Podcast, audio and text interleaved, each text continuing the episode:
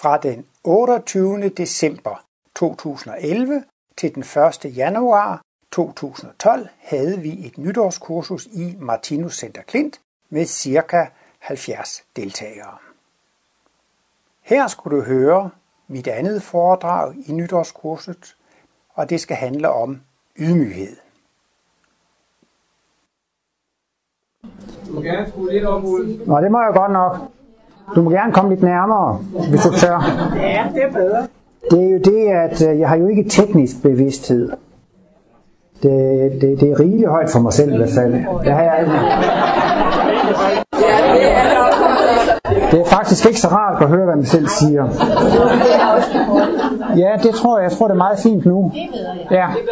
Jo, jamen, øh, jeg skal jo vist holde det femte foredrag i den her serie, der startede med at kende analysen, og kende dit højere selv, og kende det guddommelige, og kende dine ønsker og længsler, og kende dit indre univers, og så skal jeg så i dag tale om kend dit øh, udviklingstrin. Og øh, det kommer til at handle noget om ydmyghed. I ved jo, Ejvild, det er en fin fyr, han er meget ydmyg. Og så en gang, så lavede vi jo en konkurrence om, hvem der var mest ydmyg. Og, og lige i starten, så stod det ud som, det var lige spil, men altså, i den sidste ende, så vandt jeg alligevel ydmyghedskonkurrencen. Og det må jeg nok sige, det er jeg meget stolt af at tænke og, og vinde over Ejvild. Så hvis der er nogen, der, hvis der er nogen af jer, der har lyst til at få en ny konkurrence i ydmyghed, så stiller jeg gerne op. Martinus har jo sådan en dejlig definition af ydmyghed, meget enkel. Han siger, ydmyghed er den rette erkendelse af sit eget udviklingstrin. Vi er jo halvt dyr og halvt menneske, og det betyder så, at man må erkende sin dyriske side, og man må erkende sin menneskelige side. Men øh, ja, vi har jo lige øh, læst en øh, artikel her i eftermiddag i vores gruppe, som handler om vejen til indvielse. Og den artikel, den hed faktisk Ydmyghed, før den blev udgivet i bog nummer 12. Der havde Martinus givet til den titel, og der kommer han med den der definition. Og der er han så også inde på, at det her med, med at være ydmyg, det er jo ikke det, man er sådan et sådan næsten sådan et slavekryb og mangel på selvtillid, og jeg er så ydmyg og ingenting og noget og sådan. Nej, altså ydmyghed, det er øh, en meget naturlig tilstand. Det er blot det, man erkender sine egne dyriske sider og sine menneskelige sider. Nogle gange kan det måske være lettere at erkende sine gode sider, end at erkende sine dyriske sider, eller erkende sine, øh, erkende sine begrænsninger.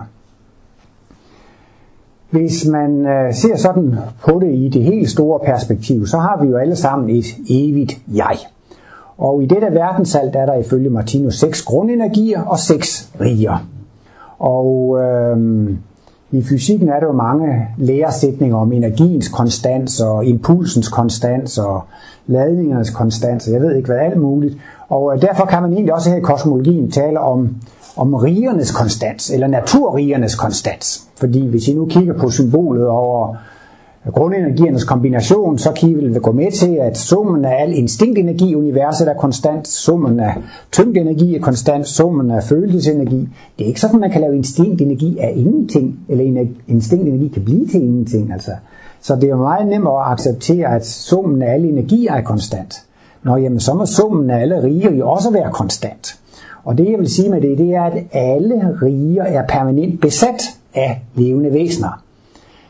Øh, man skulle kalde lidt kosmologi, og så alligevel ikke for mig, hvis man troede, at først begyndte universet ved en eksplosion, og så var det kun glødende. Så til at begynde med, så havde vi kun mineralrige her i universet.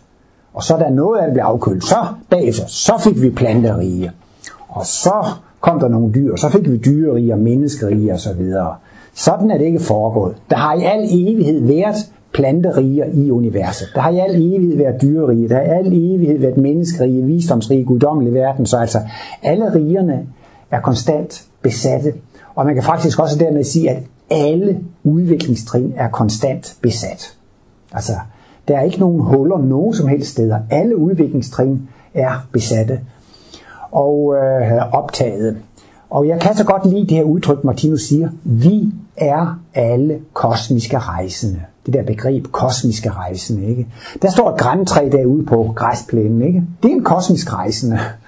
Den er lige nogle tusind år på den her planet, eller 10.000 eller 100.000. Så rejser den videre til en anden planet, hvor den har bedre betingelser, ikke sandt? Og så kommer der nogle elefanter, nogle tiger og er her i nogle årtusinder, og så tager de videre, og der er jo også mikrober og organer, og der er, der er alle mulige levende væsener. Alle på rejse. Vi er alle sammen på en evig rejse.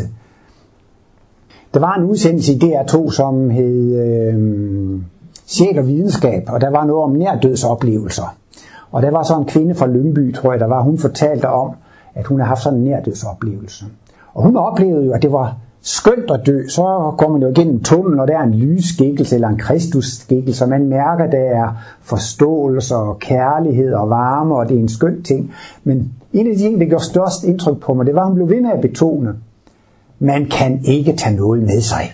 Man kan ikke tage noget med sig derovre. Ikke? Altså, det er ikke sådan, at man absolut ejer noget. Øh, og grund til, at jeg tager det op nu, det er jo nogle gange, så synes man, at det der, det er mit drømmehus, det er mit hus, og det er min urtehave, og det er mine bøger, det holder du fingrene fra. Det er altså mit, og nogle gange har vi jo så sådan, det her, det er min krop, og, og, og, og det er mig, ikke? Og det er vel frem til, det er jo, ja, men altså, vi har det hele til låns, ikke? Det der hus, det har vi bare til låns, og urtehaven har vi bare til låns, altså. Og kommer vi til kroppen, ja, den har vi også bare til låns, altså. Vi, vi har i virkeligheden ikke noget, af alt det vi kan se og opleve, der ejer vi ikke noget som helst. Men jeg synes også, det er skønt at være på charterferie, så er der sengetøj og håndklæder, og der er restauranter og så videre. Der er alt det, man har brug for, når man sådan rejser rundt som charterturist der, ikke? Og sådan er det altså også, når vi rejser rundt i spiralkredsløbet. Så bliver der stillet alle de energi og de livslokaliteter til rådighed. Man behøver ikke at, at være så ivrig efter at eje noget. Det er en skøn evig rejse rundt i det hele. Det er nu ikke fordi, jeg skal gå så meget ind på det, men det er jo en af mine kæpheste, det der med, hvad kom først, hønen eller ægget? Hønen. Hønen, hanen. Fordi der har i al evighed været et dyrerige. Og i dyrerige, der må der være et forældreprincip, et beskyttelsesprincip. Det vil sige, at der i al evighed har været et beskyttelsesprincip, ikke sandt? Og øh, i ægget, der er jo sådan en æggeskal, det beskytter jo egentlig kyllingen. Det er jo et slags beskyttelsesprincip.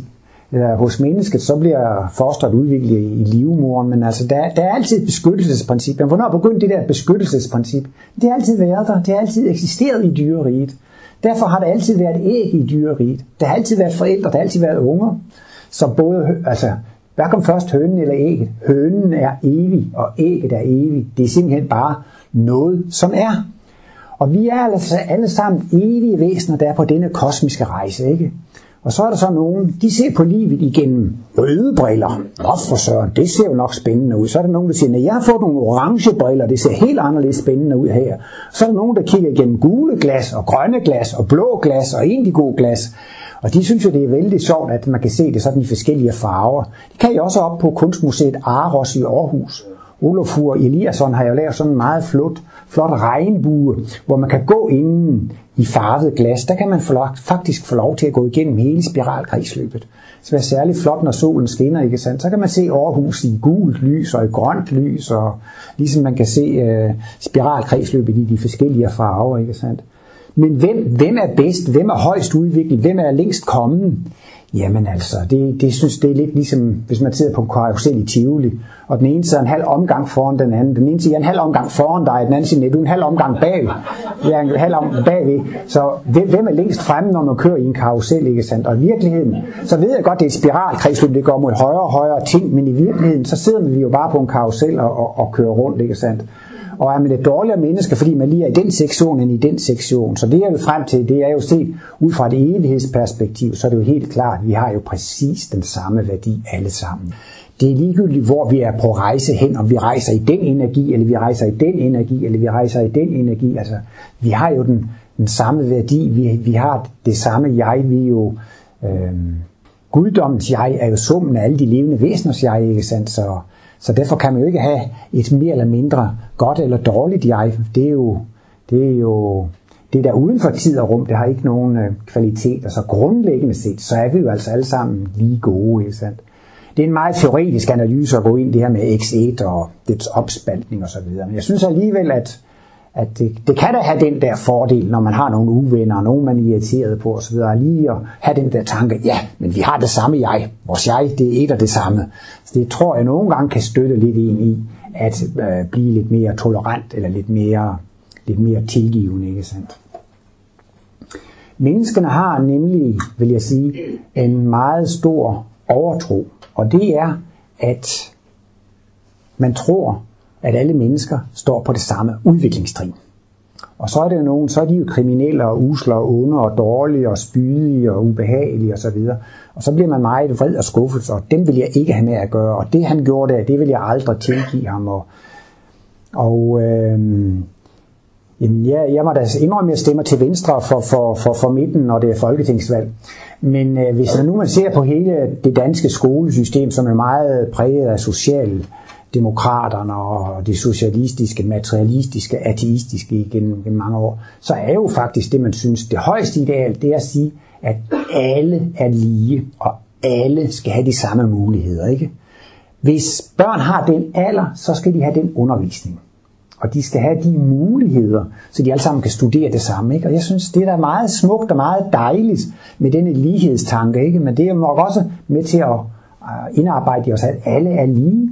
Og især hvis man øh, hører til den fraktion af videnskabsfolk, der mener, at vi i den grad er præget af miljøet, ikke sandt? Så, så er folk jo ens. Det er bare et spørgsmål om, hvilket miljø de er opvokset i. Altså. Men det er faktisk en, en, en overtro. Og der findes faktisk et, et, et symbol, som endnu ikke er publiceret af Martinus, men som måske bliver publiceret en dag. Og øh, det, han kalder det menneskets overtro om næsten. Og det er så sådan en pyramidefigur, hvor der er en platform, og der er der så ni forskellige væsener. Så har de sådan lidt forskellige farver, så kan man så forstå på farven, at de er forskellige udviklet, ikke? men de er på samme platform. Ikke? Og det han vil vise med det, det er, at menneskerne har den overtro, at vi alle sammen står på det samme trin. Og det gør, at vi har meget store forventninger til nogen. Ikke? Og de, der rent faktisk ikke er kommet så langt i udviklingen, ikke? Så dem kan man blive meget vred og sur på, og man kan straffe dem, og man kan behandle dem meget ubehageligt. Men det er fordi, man ikke forstår, at vi står på forskellige udviklingstrin. Altså at kende sit eget udviklingstrin, der kan man sige, det kan jo betyde, at man skal vide sin position i spiralkredsløbet. Altså hvor langt er jeg kommet i, i, i dyreriet her, ikke sandt? Øh, om jeg er indviet af første grad, anden grad eller tredje grad, om jeg har 200 år, 400 år, 600 år til den kosmiske bevidsthed, eller 800 år, eller 1000 år, eller hvor lang tid er der tilbage? Men jeg regner med de fleste, jeg I har en 600-800 år tilbage. Prognosen har jeg regnet ud fra, jeg har bygget det på en enkelt Martinus udtalelse.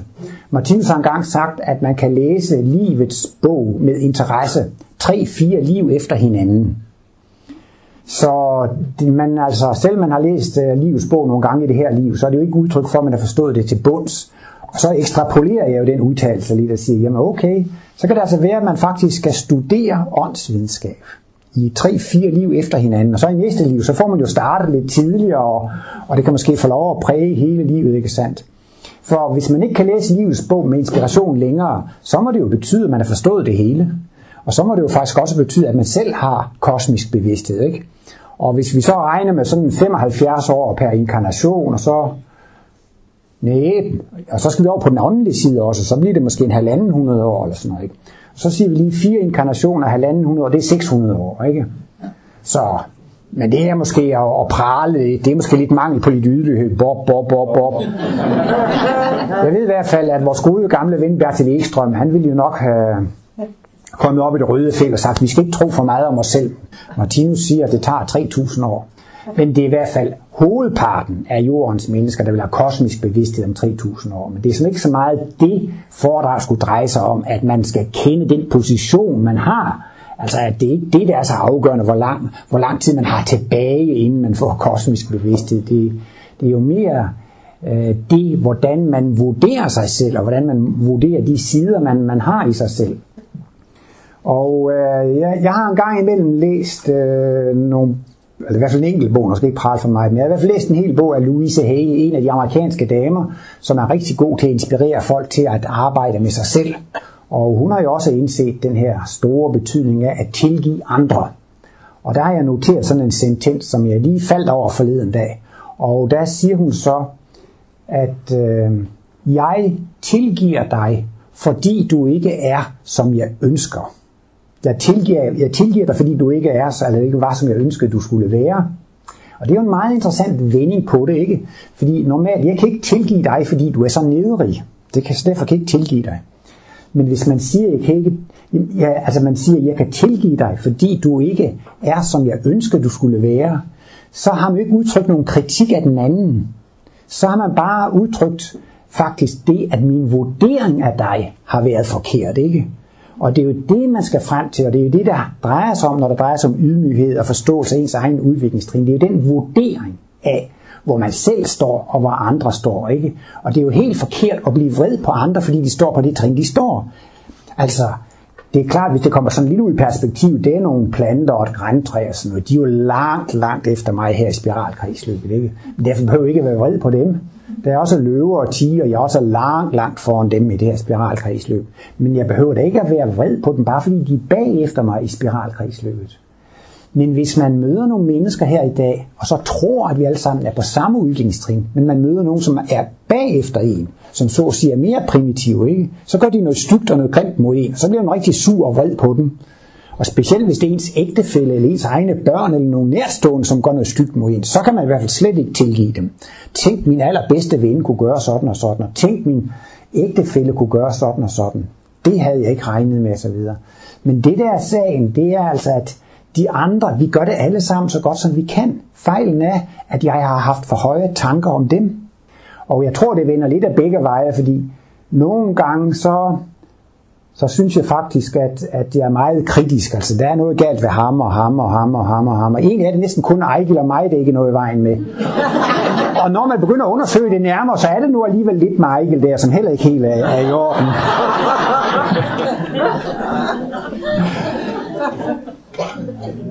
Nej, det, det er jo det, at man må forstå, at folk er præcis der, hvor de er i udviklingen. Og Martinus har sådan et godt eksempel. Han siger, at ens udviklingstrin er udtryk for ens kosmiske alder.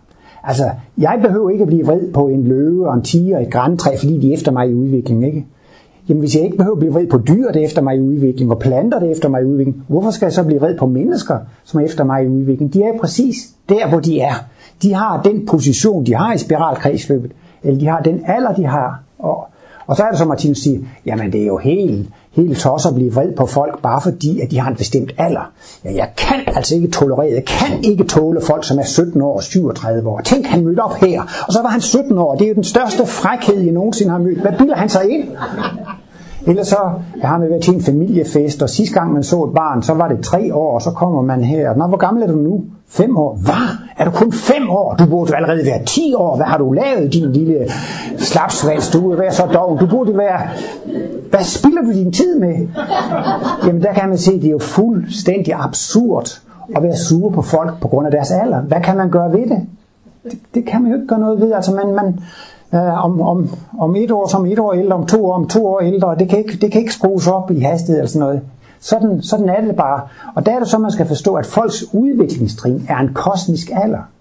Og som Martinus bruger en af sine formuleringer, man kan jo ikke handle ud fra erfaringer, som man ikke har gjort endnu. Jeg har gjort nogle erfaringer, måske som andre ikke har gjort. Og så, surt, så, så synes man, de burde være lige så gode og lige så kloge, som jeg er. Men det er, de, det er de så ikke. De gør noget dumt og noget idiotisk og noget stygt og ubehageligt. Og så, så, så bliver man sur og vred på dem, men det er bare fordi, man ikke har forstået, at de har ikke gjort de erfaringer, som jeg har gjort. Og det er jo idiotisk at blive vred på folk, fordi de ikke er ældre, eller fordi de ikke har flere erfaringer, end de har. De er altså, som, som de er. Og man får det jo særligt tæt ind på det, hvis, hvis man har en øh, ægtefælle. Jeg hørte her i eftermiddag også, der var en, der sagde, at der var en kone, som levede i ægteskab. Og så sidst så kom hun med en udtalelse. Nu har jeg opgivet at ændre på min mand ja, det må man sige, det er også en god erkendelse, ikke? Men netop, når man bor så tæt sammen, ikke sandt, så har man jo faktisk nogle gange lyst til at ændre lidt på sin partner. For ikke direkte at sige sine børn. Altså, altså så tror man jo, at, at hvis nu det er faldet lidt uheldigt ud, og det er lidt ubehageligt, så vil man jo gerne opdrage lidt på børnene og ændre lidt på dem, ikke? Og forældrene gør jo tit, hvad de kan, ikke sandt? Men jeg tror, de fleste siger, at når børnene er ved at være blevet 16, 15, 16, 17 år, så kan de godt opgive kampen. Ikke sandt? Så, så er der ikke, der er ikke noget at gøre, men man kan ikke ændre de andre. Ikke sandt? Og det er jo netop altså også en, en, en stor misforståelse. Det kan godt være, at forældre de er meget ulykkelige over, at ja, der er måske der børnene, der ryger, og så siger forældre, ja, men du får sorte lunger, og du får lungekræft, og du må holde op med at ryge, og de herser med den der stakkels unge, og lover præmie og straf og alt muligt for at få barnet til at holde op med at, at, at, at ryge. Ikke? Men hvis forældrene selv ryger, så hjælper det jo ikke så meget i hvert fald. Øh, man kan sige, at øh, det eneste, man egentlig kan gøre som forældre, det er, at de, de kan jo sige, de kan jo lade, lade være med selv at ryge.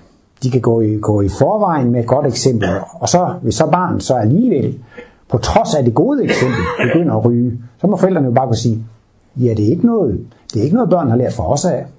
Og så kan man ikke gøre det bedre. Altså, så skal man ikke være... Altså, det er jo bare det, man vil have, at mine børn, det, det skal gå dem godt. De skal have en succes. Altså, man har så at sige ambitioner på børnenes vegne, ikke? Man må lade dem være på det udviklingstrin, de er, og de må leve deres eget liv, ikke sandt? I gamle dage, så var det jo også sådan, at man opfattede det som at, at ens børn, det er jo ens ejendom, det er mine børn, ikke? Og jeg tror nok sådan lidt generelt, at folk med et kosmisk livssyn respekterer deres børn lidt mere, ikke? Altså et nyfødt barn, det er jo et gammelt menneske, som kommer tilbage, ikke? Altså man må ligesom respektere, at de er, som de er. Og når man nu ved, at de også har en evig fortid, ikke sandt? Så, så de er jo selv ansvarlige for deres situationer. Man er ikke ansvarlig for børnene. Altså der kommer et nyfødt barn, ikke sandt? Jamen det har jo levet en evig fortid, det har sin talentkerner, det har sin skæbne, det har sin karma. Hvad kan man lave om på det som forældre? Ingenting. Så derfor kan man jo tage det meget mere roligt. Man behøver ikke at, sådan at hunse og herse med børnene. Et sted siger Martinus, man kan ikke lave mennesker om med politik. De synes jo, Martinus skulle gå ind i politik. Jamen, man kan ikke ændre mennesker med politik, og på en måde kan man jo heller ikke ændre børn med, med opdragelse eller dressur på den måde. Men Martinus var jo inde på, at, øh, at børn skulle selvfølgelig opdrages. Og der er jo så kunsten ved, sådan ifølge Martinus, det er jo det, at man skal sætte grænser uden at blive vred. Hvis du, vil du have, skal blive vred? Hvis du bliver ved med det der, så bliver jeg altså rigtig vred. Det kan du tro, min lille ven. Og så, det, så bliver barnet jo ved, og så bliver man vred og skælder ud, ikke sandt? Det er faktisk udtryk for, at man ikke selv vil tage ansvar for, at man bliver vred. Så er det barnets skyld, jeg bliver vred. Det kunne bare holde op. Hvis barnet var holdt op, så ville vi ikke blive vred. Og det er jo også sådan et, et beskidt trick faktisk fra forældrenes side, at lægge ansvaret over på børnene for ens egen øh, vrede, ikke sandt? Og det er jo så det, der er den store kunst, at ikke tabe kontrollen selv, men altså kunne sætte grænser med fasthed og bestemthed, men uden vrede og eksplosion, altså uden, øh, uden tyngde udbrud. Og mange forældre er også meget bekymrede for, for, for deres børn. Det kan være, at deres søn er voldelig, eller måske småkriminel, eller datteren drikker for meget alkohol, eller er lidt småprostitueret, eller det går lidt skævt for dem, eller lidt narkoman, eller, eller, eller sådan noget. Ja, det sørger mig da ikke rart at se på. Og de ligger og har søvnløse net, og det er noget forfærdeligt noget med de børn, og de prøver jo at øh, ændre det, og så, og så kommer politiet, og så kommer myndighederne, og, og så er de jo dybt ulykkelige osv. Jamen jeg kan da godt forstå, at det er da ikke særlig behageligt, ikke? Men altså, det forældrene kan gøre, det er, at de kan være gode og rare og kærlige, og de kan være, være faste og bestemte og gå i forvejen med, med et godt eksempel. Men, men resten kan de ikke gøre noget ved. Børnene, de må have deres repetition, ikke? I, i, i alderen fra 0 til 30 år, altså faktisk fra undfangelsen, minus, fra minus 9 måneder op til 0 og op til 30 år, der repeterer man jo de tidligere liv, ikke? Det er jo noget, der allerede er sket. Det er jo noget, der er sket i fortiden. Det kan man ikke ændre på. Så, så må børnene jo have lov at repetere. Og mange forældre er jo meget ulykkelige øh, over deres børn, at de er så vandartede og, og, og uopdragende og så forfærdelige. Og, men altså, jeg plejer altid at sige, vent, vent og se til de bliver 30 år, vent og se til de bliver 30 år, ikke? Og det viser sig jo også med mange børn, at der er slet ikke de bekymringer, man troede, hvis man ellers har tålmodighed til at vente til de er 30 år, eller hvis man selv overlever det og kan holde det ud.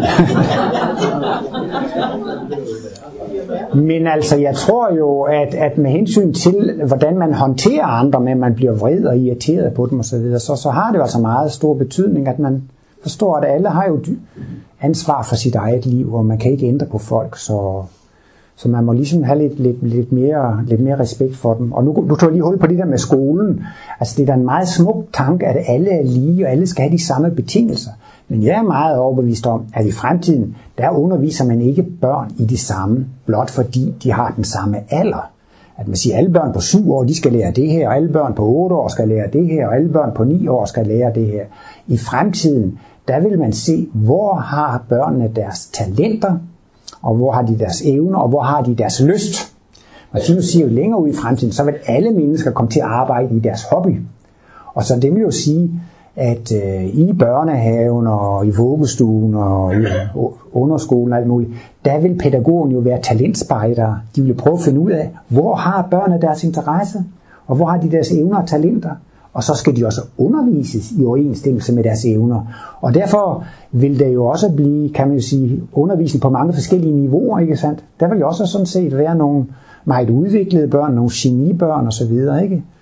Jamen, så får de lov til at få deres specielle undervisning, og, og, og, og eftersom alle kommer til at arbejde med det, de har lyst til, så tror jeg heller ikke, der bliver, øh, hvad skal man sige, øh, nogle særlige dom, eller sådan, altså, altså det der, det er chimpanseklassen, og det her, det er geniklassen, eller sådan, og det tror jeg øh, ikke, altså man vil helt anderledes respektere, at folk de kommer til at arbejde og sysle med, med, med det, de øh, øh arbejder i. Men det jeg også vil ind på, det er, nogle gange så synes nej, det var det, jeg kom tilbage med, jeg, jeg, jeg hopper lidt i det, men jeg, nogle gange kommer det tilbage til. Det er det med at kritisere andre folk. Jeg er utrolig kritisk. Jeg, jeg kan se noget forkert ved dem alle sammen, ikke sandt? Men jeg synes også, at jeg har en anden uvane, at jeg kritiserer mig selv. Åh, din store klov, nu gjorde du det igen, og åh, nu fik du ikke det gjort. Og altså, at jeg synes tit, at, at jeg er meget hård ved mig selv, meget kritisk ved mig selv, og så også, meget kritisk ved andre, ikke sandt? Og så har jeg fundet ud af, jamen det er jo det samme problem. Og det er jo det her problem med at erkende sit eget udviklingstrin, ikke? Hvis man forstår det med andre, jamen altså, de er kommet til det trin, de har de her de erfaringer, de kan ikke gøre det bedre, end de gør. De gør det alle sammen lige så godt, som de kan. Et hvert menneske er på toppen af sin udvikling. I det her spiralkredsløb har vi aldrig været bedre, end vi er lige nu. Alle er på toppen af sin udvikling. Altså er det fuldstændig urimeligt og ulogisk at kritisere andre, ikke? Men hvis man kan indse, det er fuldstændig ulogisk at kritisere andre, så skulle man jo kunne se det samme på sig selv. Nå ja, men jeg har det her udviklingstrin, jeg har levet så mange liv i civilisationen, jeg er her og her, og jeg gør det så godt som jeg kan. Jeg vil måske gerne gøre det bedre, men det kan jeg komme til i fremtiden. Men jeg står her, og jeg gør det så godt som jeg kan. Ligesom de andre, de kan ikke gøre det bedre end de kan. Nå, jamen, jeg kan jo heller ikke selv gøre det bedre, end jeg kan. Så jeg tror, at begge problemer bliver løst. Men det kan godt være, at man nogle gange har en præference til, at man kritiserer andre mere end sig selv, og nogen kritiserer måske sig selv mere, end de kritiserer andre. Men jeg tror alligevel, det går meget hånd i hånd for de fleste, ikke sandt? Og det, det er simpelthen baseret på, at man øh, ikke har, har, har forståelse for andres udviklingstrin og sit eget udviklingstrin. Man kan kun handle ud for de erfaringer, man, man har gjort.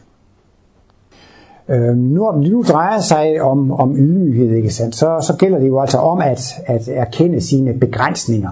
Men altså, at, at være rigtig ydmyg er at kende sit eget udviklingstrin. Og Martinus han har tegnet symbol, Han viste jo også meget tit Vitus' tegning af menneskets to sind. Det er sådan lidt abe-menneske i den ene halvdel, og fint kultiveret menneske i den anden. Og, og det er jo det, vi er halvt dyr og halvt menneske. Martinus talte om sfinksen, halvt dyr og, og halvt menneske, ikke sandt?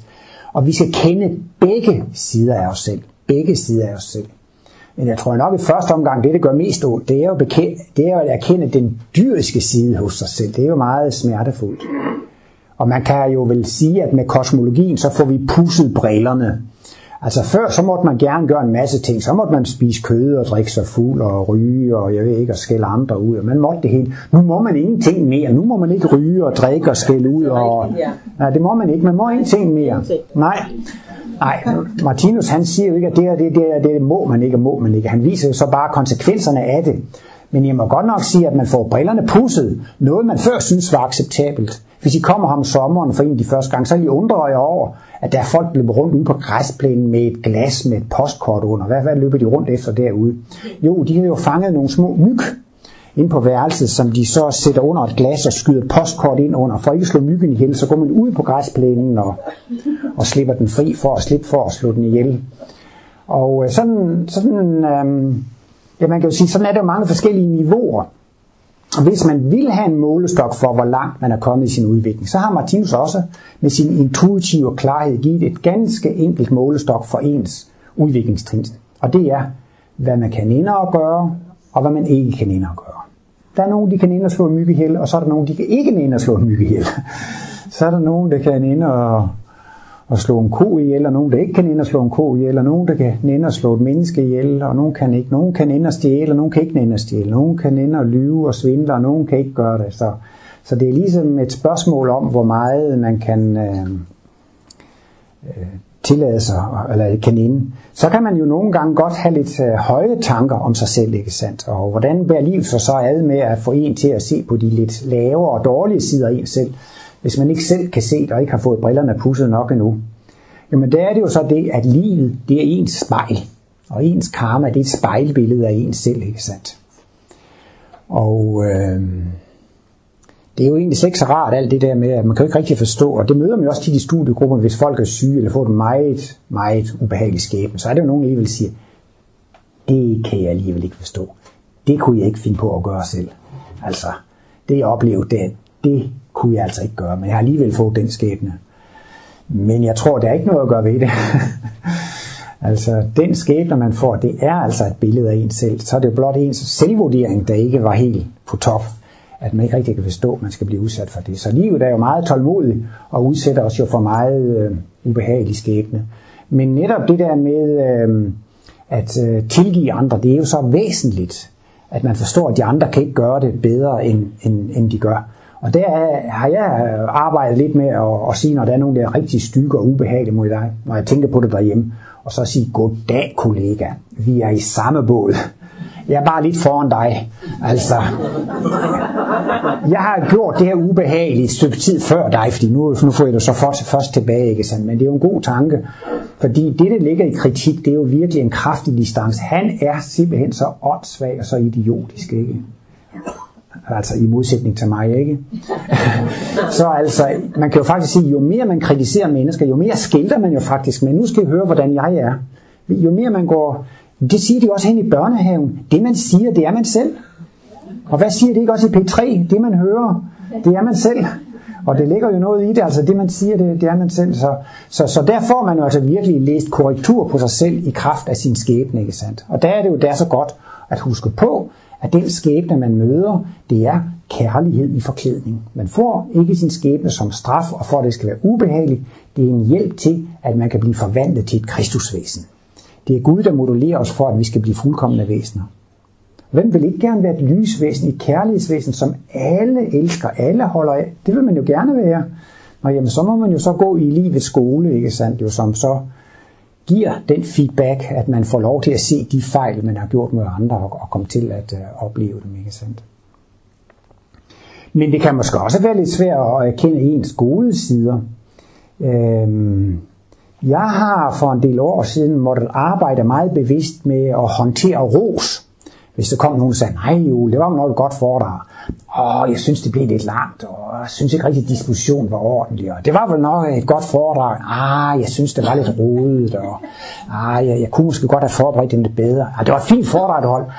Ah, jeg synes altid, at jeg siger det samme der, og det er lidt slemt med de gentagelser. Og, ah, så, så, så jeg sådan har, jeg ved ikke, ja, og sådan har jeg så måttet arbejde lidt med det der med, at øh, måske er det virkelig et skjult hovmod, ikke sandt? Martinus siger, at man kan jo handle ud fra sit eget udviklingstrin, så er man jo i harmoni, ikke sandt? Og hvis man, hvis man tror, man står på et lavere udviklingstrin, så bliver man måske helt selvudslættende og mangel på selvtillid og har negative tanker osv.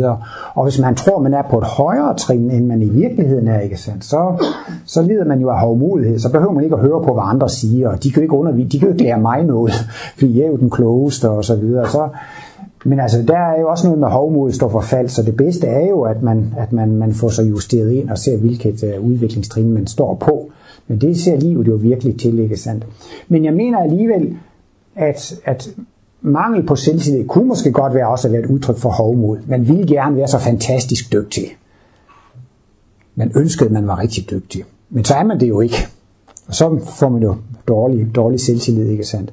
Og hvis man ikke kan tage imod ro, så er det måske fordi, man gerne vil være endnu bedre, end man var. Altså det er også på en måde afslører lidt, lidt, lidt hovmod. Og den der ro, så bliver sådan lidt ked af det, ikke sandt? Så, så nu er jeg begyndt at øve mig i at sige tak. Det var nok pænt af dig. Det er jeg nok glad for, du sagde. Og så for at give det endnu mere væk, så tænkte jeg, ja, og det er jo selveste Gud, der siger det til mig.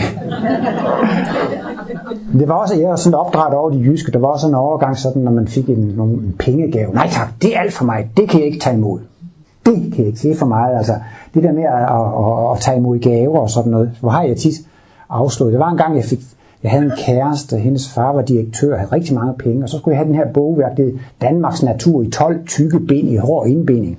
Nej, det for mig, det kan jeg ikke tage imod. Og i dag tænker jeg, åh, din tosk altså det. Det har da kostet et par tusind kroner, og, og han blev ovenkøbet lidt sur på mig, fordi at jeg ikke ville, ville tage imod. Nej, min kærestes far, han skal da ikke. Øh.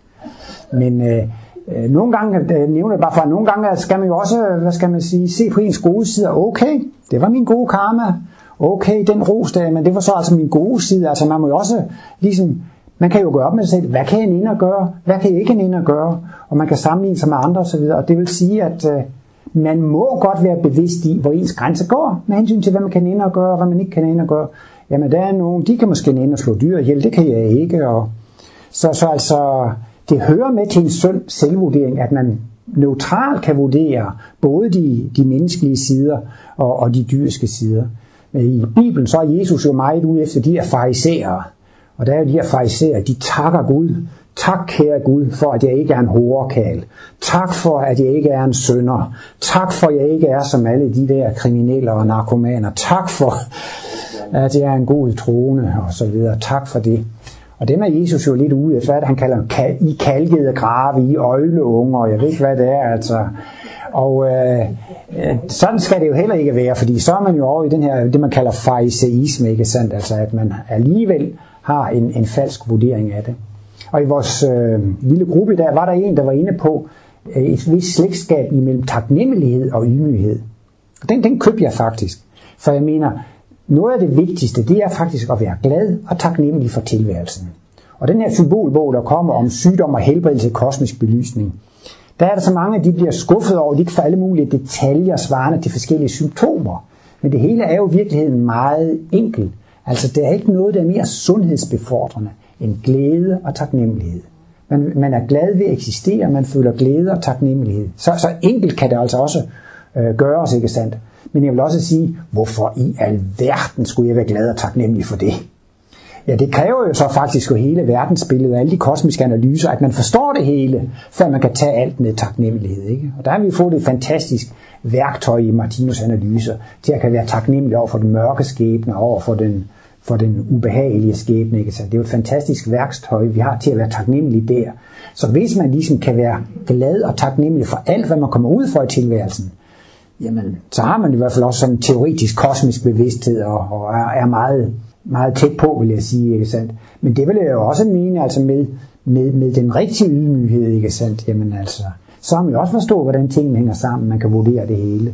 Og øh, i gruppen i dag var der også mange, der talte om det her med, at, øh, at man kan føle sig ydmyg, når man står over for verdensalte, hvis I går ud sådan en stjerneklar aften, eller hvis I går ud i naturen og, og jeg husker også et salmevers fra min skoletid. Gik alle konger frem på red i deres magt og vælge, de mægtede ej et blad at sætte på den mindste nælle.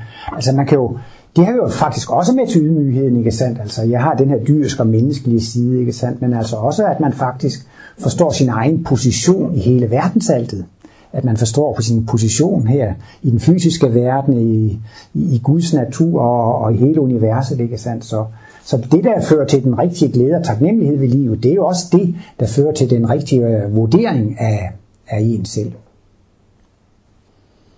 Ja, det var ordene. Tak for i aften.